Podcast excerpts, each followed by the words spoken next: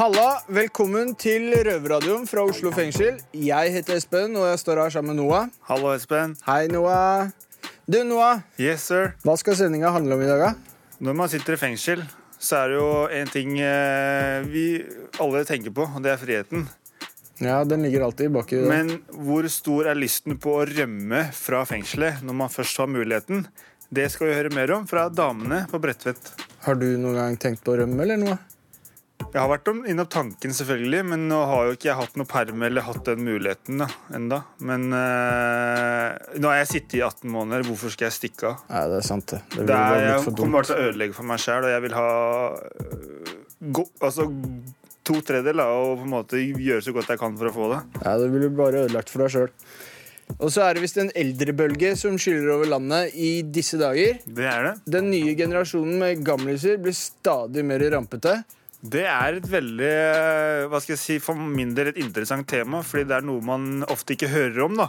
Og jeg tenker det er jo de som har gått før oss, er de som på en måte har øh, lagt lista for hvordan det er i dag også. Så det er rart at den begynner å bli rampete. Kanskje det er noe i samfunnet som klikker for dem. Jeg har lært mye rampestreker av gamliser, jeg, for å si det sånn. Ja, ja, ja. Men nå snakker vi om de eldre gamliser, altså pensjonerte. Ja, ja, samme det kommer stadig nye generasjoner der òg, vet du. Ja, ja, ja, Og så er det Det er visstnok ut det er eh, utfordrende å behandle eldre verdig nok på gamlehjem. Så da lurer jeg på hvordan går det egentlig med de gamle som sitter i fengsel? ja, det tror jeg ikke går så bra. Se åssen det er for oss. Ja, Vi skal fall forsøke å finne ut mer av dette i dag. Vår røver Preben har kommet på en liste som heter VIK. Eh, Jeg vet ikke hva det er, Espen, men eh, for meg så høres det ut som noe alle innsatte hater. Hva er VIK, skal jeg Espen? love deg. Jeg som en gammel vikker, vil jeg, vil jeg si. Eh, Så VIK det står for noe så latterlig noe som Very Important Kriminell. Så det er ikke sånn at du legger en rød løper og du føler deg som en konge. Absolutt ikke. Nei. Det er jo stikk motsatte. Det er det stikk motsatte. ja, helt klart da. Mer om Prebens VIK-situasjon seinere i sendingen. Så da er det bare å sette seg ned og følge med oss videre. Ikke skift kanal. Gjør du det, så skal jeg personlig komme og plage deg.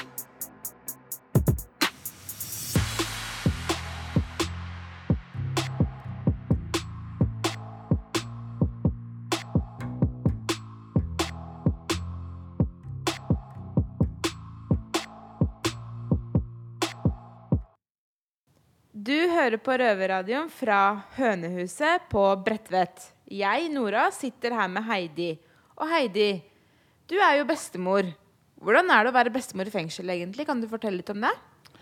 Det er litt tøft. Du kjenner jo på et savn. Det er jo veldig stort å bli bestemor. For når du har barn, så når du er ung og får ditt eget barn, så er det veldig mye ansvar. Mens når du kommer i bestemorrollen, så kan du mer kose deg. Du har ikke det ansvaret, for det kan du overlate til foreldrene. Da har du privilegiet at du kan kose deg, og du kan skjemme dem litt bort.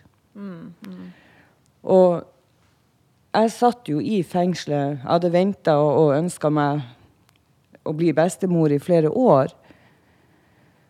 Og når jeg havner i fengsel, så går det to måneder, så blir datteren min gravid. Oi.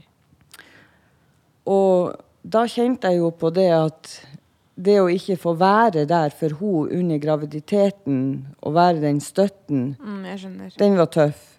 Vi var heller ikke i samme by. Jeg var i Tromsø, og hun var i Oslo. Og det var jo helt umulig for meg å kunne få være med på fødselen, og heller ikke se henne med en gang hun var nyfødt. Nei. For hun fødte i Oslo, og jeg satt i Tromsø. Så jeg fikk beskjeden per telefon. Og så gikk det et par dager, og så klarte de å krangle til at eh, via mail at de printa ut. Og da var det assisterende fengselsleder som faktisk tok og printa ut bildet av barnebarnet mitt, så jeg skulle få se henne. Så det var jo en veldig stor glede, men også kjente jeg på en sårhet i det å ikke kunne være der. Men nå er jo jeg blitt overført til Bredtvet, og får jo ukentlig besøk av barnebarnet mitt. Hun blir tre måneder nå, og hun er jo selvfølgelig i mine øyne verdens skjønneste, men det syns jo alle om sine. Og vi er ofte heldige at det er jo vanligvis én time besøk, men er det ingen som har booka besøksrommet etter oss, så får vi veldig ofte to timer. Og det er veldig koselig. Det er jo fint. Ja. Det er jo bedre, bedre sent enn aldri, liksom. Du får i hvert fall møtt henne nå og vært med henne Ja, jeg får i hvert fall Det er jo begrensa kontakt, og det er jo viktig Jeg tenker det er jo en veldig viktig fase i livet når de er babyer og til de blir et par-tre år. Det er jo da de knytter relasjoner opp. Sterke bånd. Og da ha den distansen og prøve å gjøre den minst mulig. Eh, syns jeg og tror jeg er veldig viktig. Så jeg er glad for at datteren min eh, kommer hit ukentlig med henne. Og hun og typen de hiver seg ned. Det store besøksrommet har jo to skinnsofaer, så de slenger seg ned på hver sin skinnsofa, så sier de ah, nå kan vi slappe av. Så får jeg være bestemor på ordentlig. Det er veldig bra. Ja. Eh, når barnebarnet ditt blir eldre, kommer hun til å få vite at eh, bestemor har sittet, eller eventuelt sitter i fengsel? Det vet jeg ikke. Datteren min pleier å fleipe om det at eh, andre bestemødre de forteller eh, om når de var unge, mens jeg blir å fortelle om ja, da bestemor satt i fengsel, så skjedde det og det. Så jeg tror nok vi kommer til å være åpne. Det er bedre at vi sier det, enn at hun kanskje skal få høre det av noen andre. Og det er ikke så Jeg tror man sjøl føler at det er en større skam å være i fengsel enn det kanskje folk utad gjør. Det er blitt en større aksept for det i dag enn det var tidligere. Det er ikke like fordomsfullt. Har du noen råd til andre bestemødre som sitter i fengsel? Prøv å opprettholde så mye kontakt som mulig.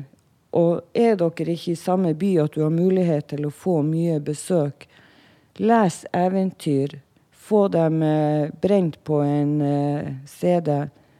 Send det i posten, så ungen, når barna har lagt seg, kan ligge og høre på stemmen til bestemor, og på den måten være nær. Heidi, takk for mange gode råd, og lykke til videre med å være bestemor i fengsel. Tusen takk.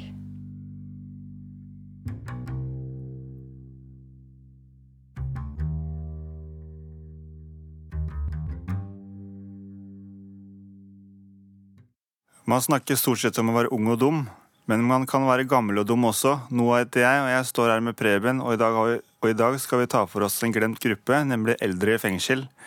Derfor har vi besøk av Kristin Englestad, kommunikasjonssjef i Senior Norge. Velkommen. Tusen takk. Før vi begynner, har jeg lyst til å by deg på et stykke fyrstekake til kaffen. Ja, tusen takk. Vær så god. Du, Kristin. Man hører ofte om at eldre glemmes i samfunnet, og stort sett vil ingen snakke om oss innsatte. Er eldre i fengsel en dobbelt så sårbar gruppe? Ja, altså Vår eh, hovedsak er diskriminering av eldre i samfunnet. Men det gjelder jo også da diskriminering av innsatte, diskriminering av funksjonshemma og alle grupper eldre, uansett eh, hvor de er. Eh, man har egne rettigheter når man er mamma eller pappa og soner, men man har ikke de samme rettighetene som besteforelder. Hva tenker du om det? Jeg har faktisk tenkt ganske mye på det, fordi besteforeldre blir jo bare viktigere og viktigere i vårt samfunn. Det er en myte at besteforeldre var så bedre før. Besteforeldre redder den der tidsklemma i Norge. Så det at de burde få bedre rettigheter, det syns jeg absolutt de burde ha fått. Og så kan det vel være en stor utfordring å ha bestemor eller bestefar i fengsel. Så da gjelder det å la det være så naturlig og bra som mulig, da, tenker jeg. Jeg bare ser for meg sjøl jeg skal besøke bestemora mi i fengsel. Jeg ikke, det er ikke like god følelse som å gå og besøke henne på et gamlehjem. for å si det sånn. Men tror du ikke også det er verre for en bestemor å ha barnebarn og sitte i fengsel, enn om barnebarnet ditt eh, har kommet i fengsel? Mm, Jo, det har ikke jeg tenkt på, men det er jo. Nå vil det jo bli flere og flere og flere eldre i fengsel. Fordi at eh, eldre blir jo likere resten av befolkningen. Inkassosaker blant eldre er jo på vei helt eh, i været. Før så var jo eldre veldig prektige og fornuftige og nøkterne og sånn. Og det blir de stadig mindre. Så det kommer til å bli en veldig utfordring, tror jeg, i fengselsvesenet og kriminalomsorgen. Mm. helt til slutt, Kristine. I Norge har mange påstått at man burde sende eldre i fengsel og fanger på gamle. Hva tenker du om den påstanden? Det er tåpeligste jeg har hørt. Jeg får ofte kommentaren på Facebook. Men da tror jeg ikke de som eh, sier det, egentlig vet hva det innebærer å oppleve frihetsberøvelse. Og det er jo folk som sier at 'å, jeg skal rane noen når jeg blir 92, for da kommer jeg på sykehjem' og sånn. Det er jo bare vås. Altså, de hadde jo bedt om å komme ut etter veldig kort tid, tror jeg. Tusen takk for at du tok deg tiden, Kristin Engelstad, kommunikasjonssjef i Senior Norge. Tusen takk. Innsatte i norske fengsler lager radio. Du hører Røverradioen i NRK P2.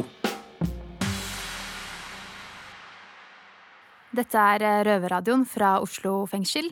Dette er ikke lyden av en eh, stemme til en veldig, veldig feminin eh, innsatt her. Dette er lyden av stemmen til Martine, heter jeg, og jeg er redaksjonssjef i Røverradioen. Klarer nesten ikke å si det. Og nå sitter jeg her sammen med Alex. Hei, hei. Og Alex, nå skal vi snakke om noe som du egentlig ikke vil snakke om. Eh, stemmer det. Men så har jeg på en måte overtalt deg litt til å snakke Ja. om det likevel. Yes, det stemmer det. Hvorfor skal vi snakke om det? Um, jeg tror at det kan faktisk hjelpe andre barn da, Ja. å komme seg gjennom en hard eh, institusjonliv. Ja, For det vi skal snakke om, er eh, det når man er ung, og at man eh, bor eh, på institusjon i deler av barndommen. For Mm. du er en av de som har gjort det, i likhet med faktisk overraskende mange av de som sitter her i Oslo fengsel, har eh, bodd litt på institusjon i barndommen. Mm. Hvor gammel var du eh, da du ble sendt til institusjon? Jeg var rundt eh, sju-åtte år. Syv-åtte år. Ja. Ble du sendt alene?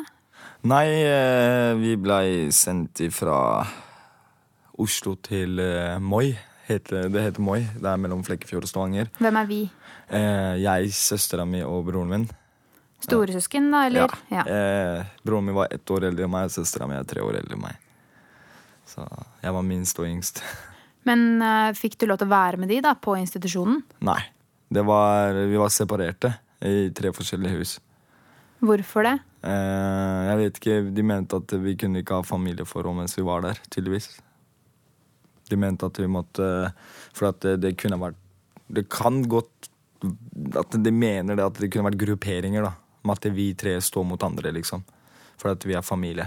Så derfor valgte de kanskje å Skille dere? skille oss. Ja. Så det blei Vi hadde besøk da, en gang i uka.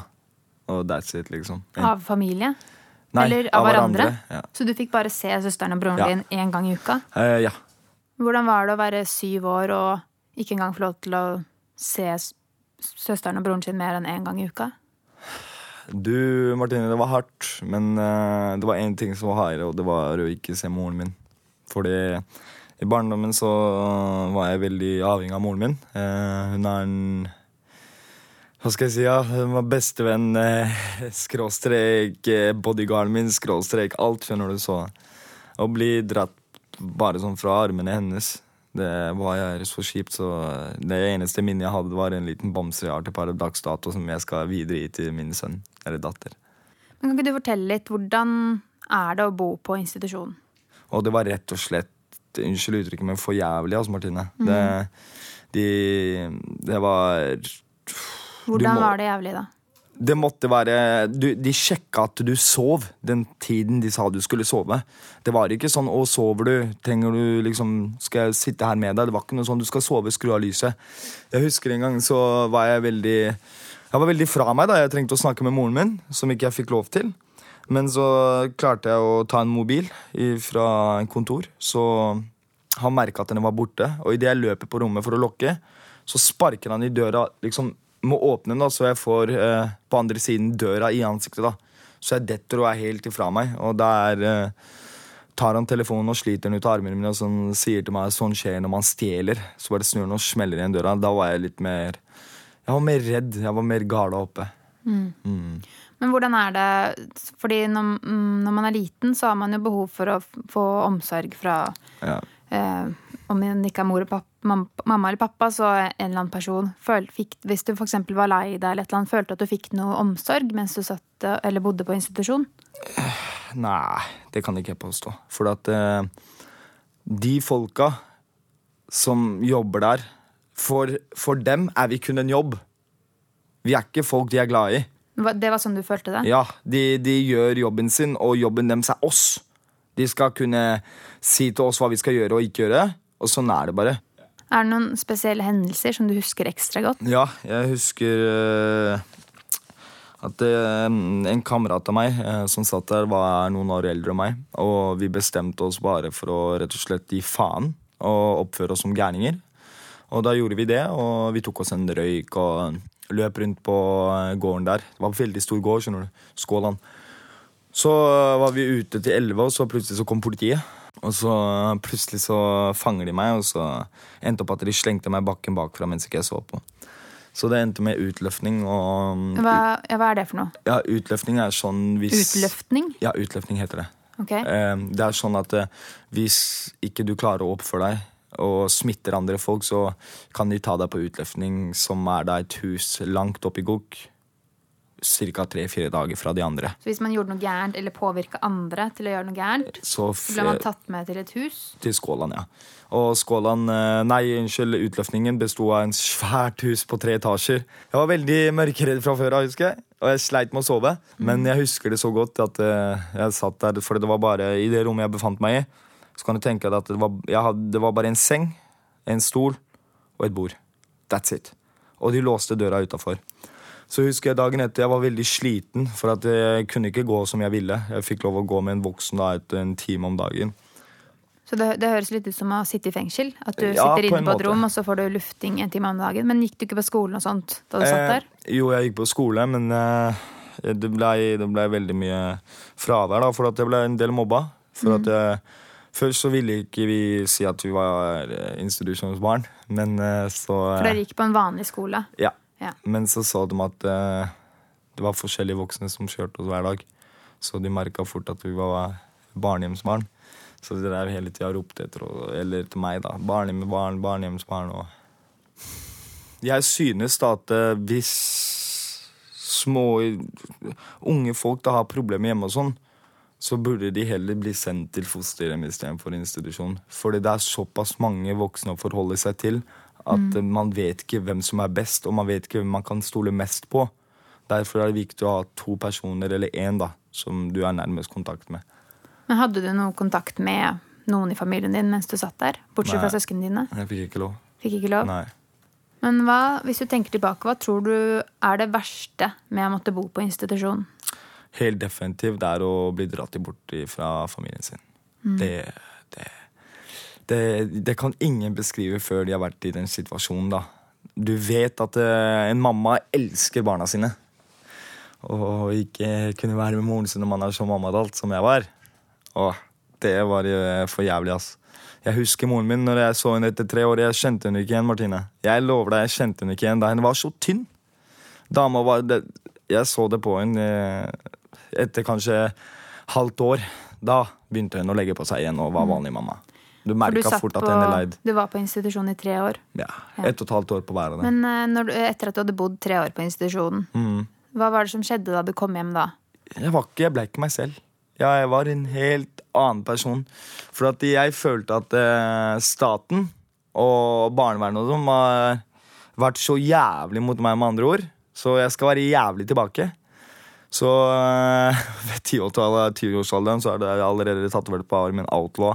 Lovløs, liksom. Lovløs, ja. Ja, en som bryter loven. Ja, Da du var ti år. Ja, Så jeg gikk på skolen og hadde brettete armer og ville flashe den tatoveringen og satt og røyka på luftegården og slo ned elever og holdt på sånn. Hvor gammel er du nå, da? Nå er jeg 21, 21. og jeg sitter for gamle saker. Ja. Men nå, Men nå er det bare skjerpings. nå er du bare en engel. Det vil jeg ikke påstå. Nei, det er du ikke heller. Det er ikke du heller. Ok. Ta- Tusen takk for meg.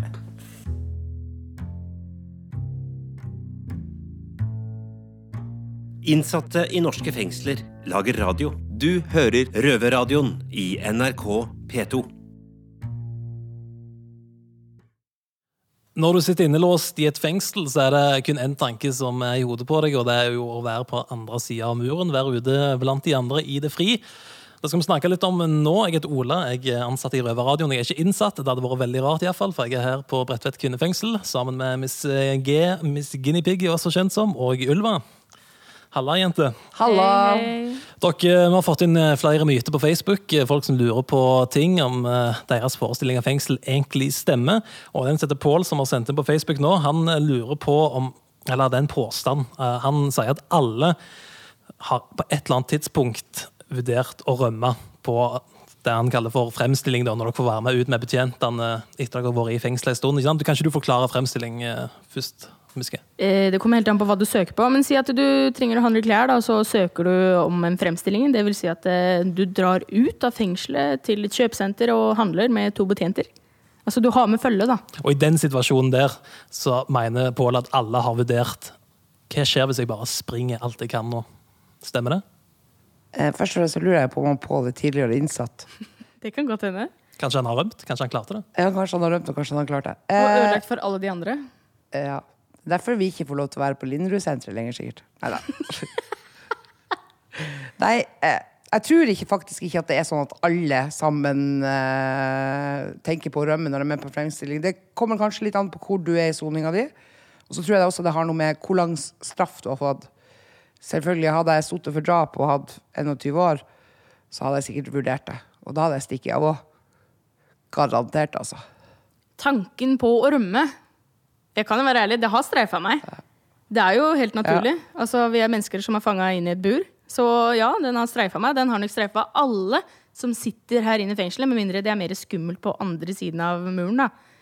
Men, men eh, du er jævla dum hvis du faktisk gjennomfører det. Fordi at du ødelegger så mye for deg selv på fremtiden din, og det kan hende du ikke slipper ut den datoen du faktisk kan, da, på to tredjedeler. At du faktisk må sitte hele tiden. Altså, si, du, si du sitter for drap av 21 års fengsel, så må du sitte 21 års fengsel fordi du rømte på fremstilling, istedenfor å bare sitte 14 av dem og ikke ha rømt.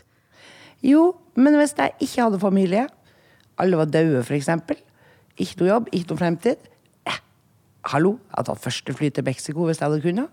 Null stress, det. Ja, nei, Da ønsker jeg deg god tur. Men dere får jo veldig mye tillit eh, når dere er med betjentene ut på disse fremstillingene. I hvert fall hvis dere har vært med de et par ganger. Hadde det vært så vanskelig å faktisk gjort det?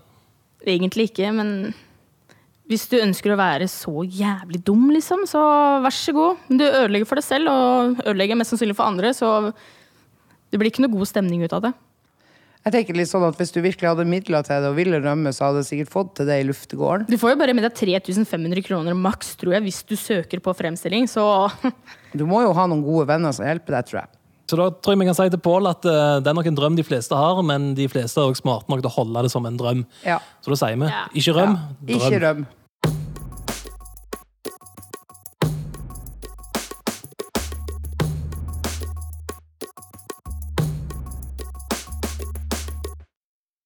Det er ikke alle VIP-lister du har lyst til å stå på. Jeg heter Noah, og jeg står her med Preben. Og Preben, du var i avhør i går. Ja. Hvilken beskjed var det du fikk fra politiet? Jeg fikk beskjed om at jeg har kommet på VIK-lista. Altså en VIP-liste. Ja. Mhm. Men uh, hva er VIK? Det står for Very Important Criminal. Okay, og det er at du Det innebærer at du får en egen etterforsker i politiet som tar dine saker, fremtidige saker fast hvis du får flere forhold på deg. Uh, og jo, så får du veldig fortere varetekt. Mye mindre tid skal til før du varetektsfengsles. Så terskelen blir lavere til, Ja. eh, til det du gjør, da. Hvis du Mhm. gjør noe ulovlig. Ja. Ja. Nei, men eh, hvorfor har de satt akkurat deg på lista si? Det er nok på grunn av gjentagende kriminalitet. Gjentakelsesfare. Hyppighet. Hyppig kriminalitet. Og at jeg har vært hyppig inn At hver gang jeg har blitt løslatt, så har jeg vært ganske kjapt tilbake. Det er det som er liksom hovedgreia til at jeg havna der. Mm. Men uh, jeg bare tenker sånn, er det pga. at du ruser deg du havner i situasjoner, eller er det liksom Det er rusrelatert er rus, krim, ja. ja. Mm. Eh, men eh, hva kan bli annerledes for deg når du slipper ut, i forhold til vikt? Da, Når du slipper ut Altså Hvis du skal sammenligne fra forrige gang du slapp ut.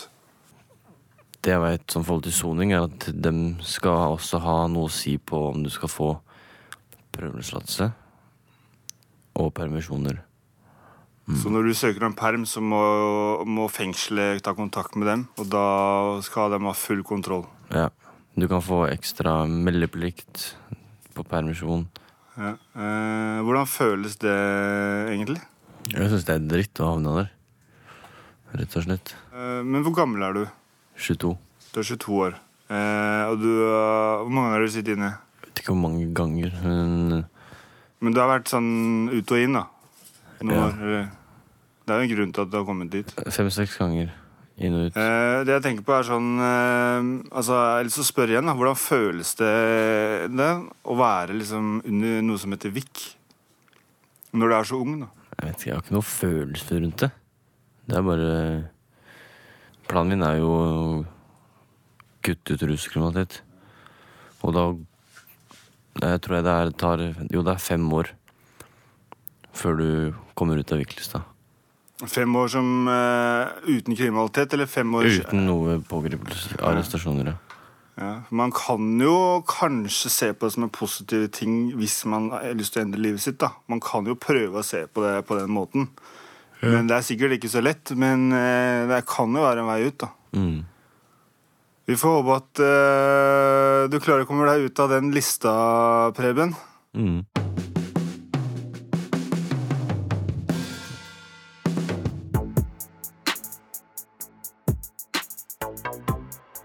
Yes, da er vi nesten ferdig for i dag.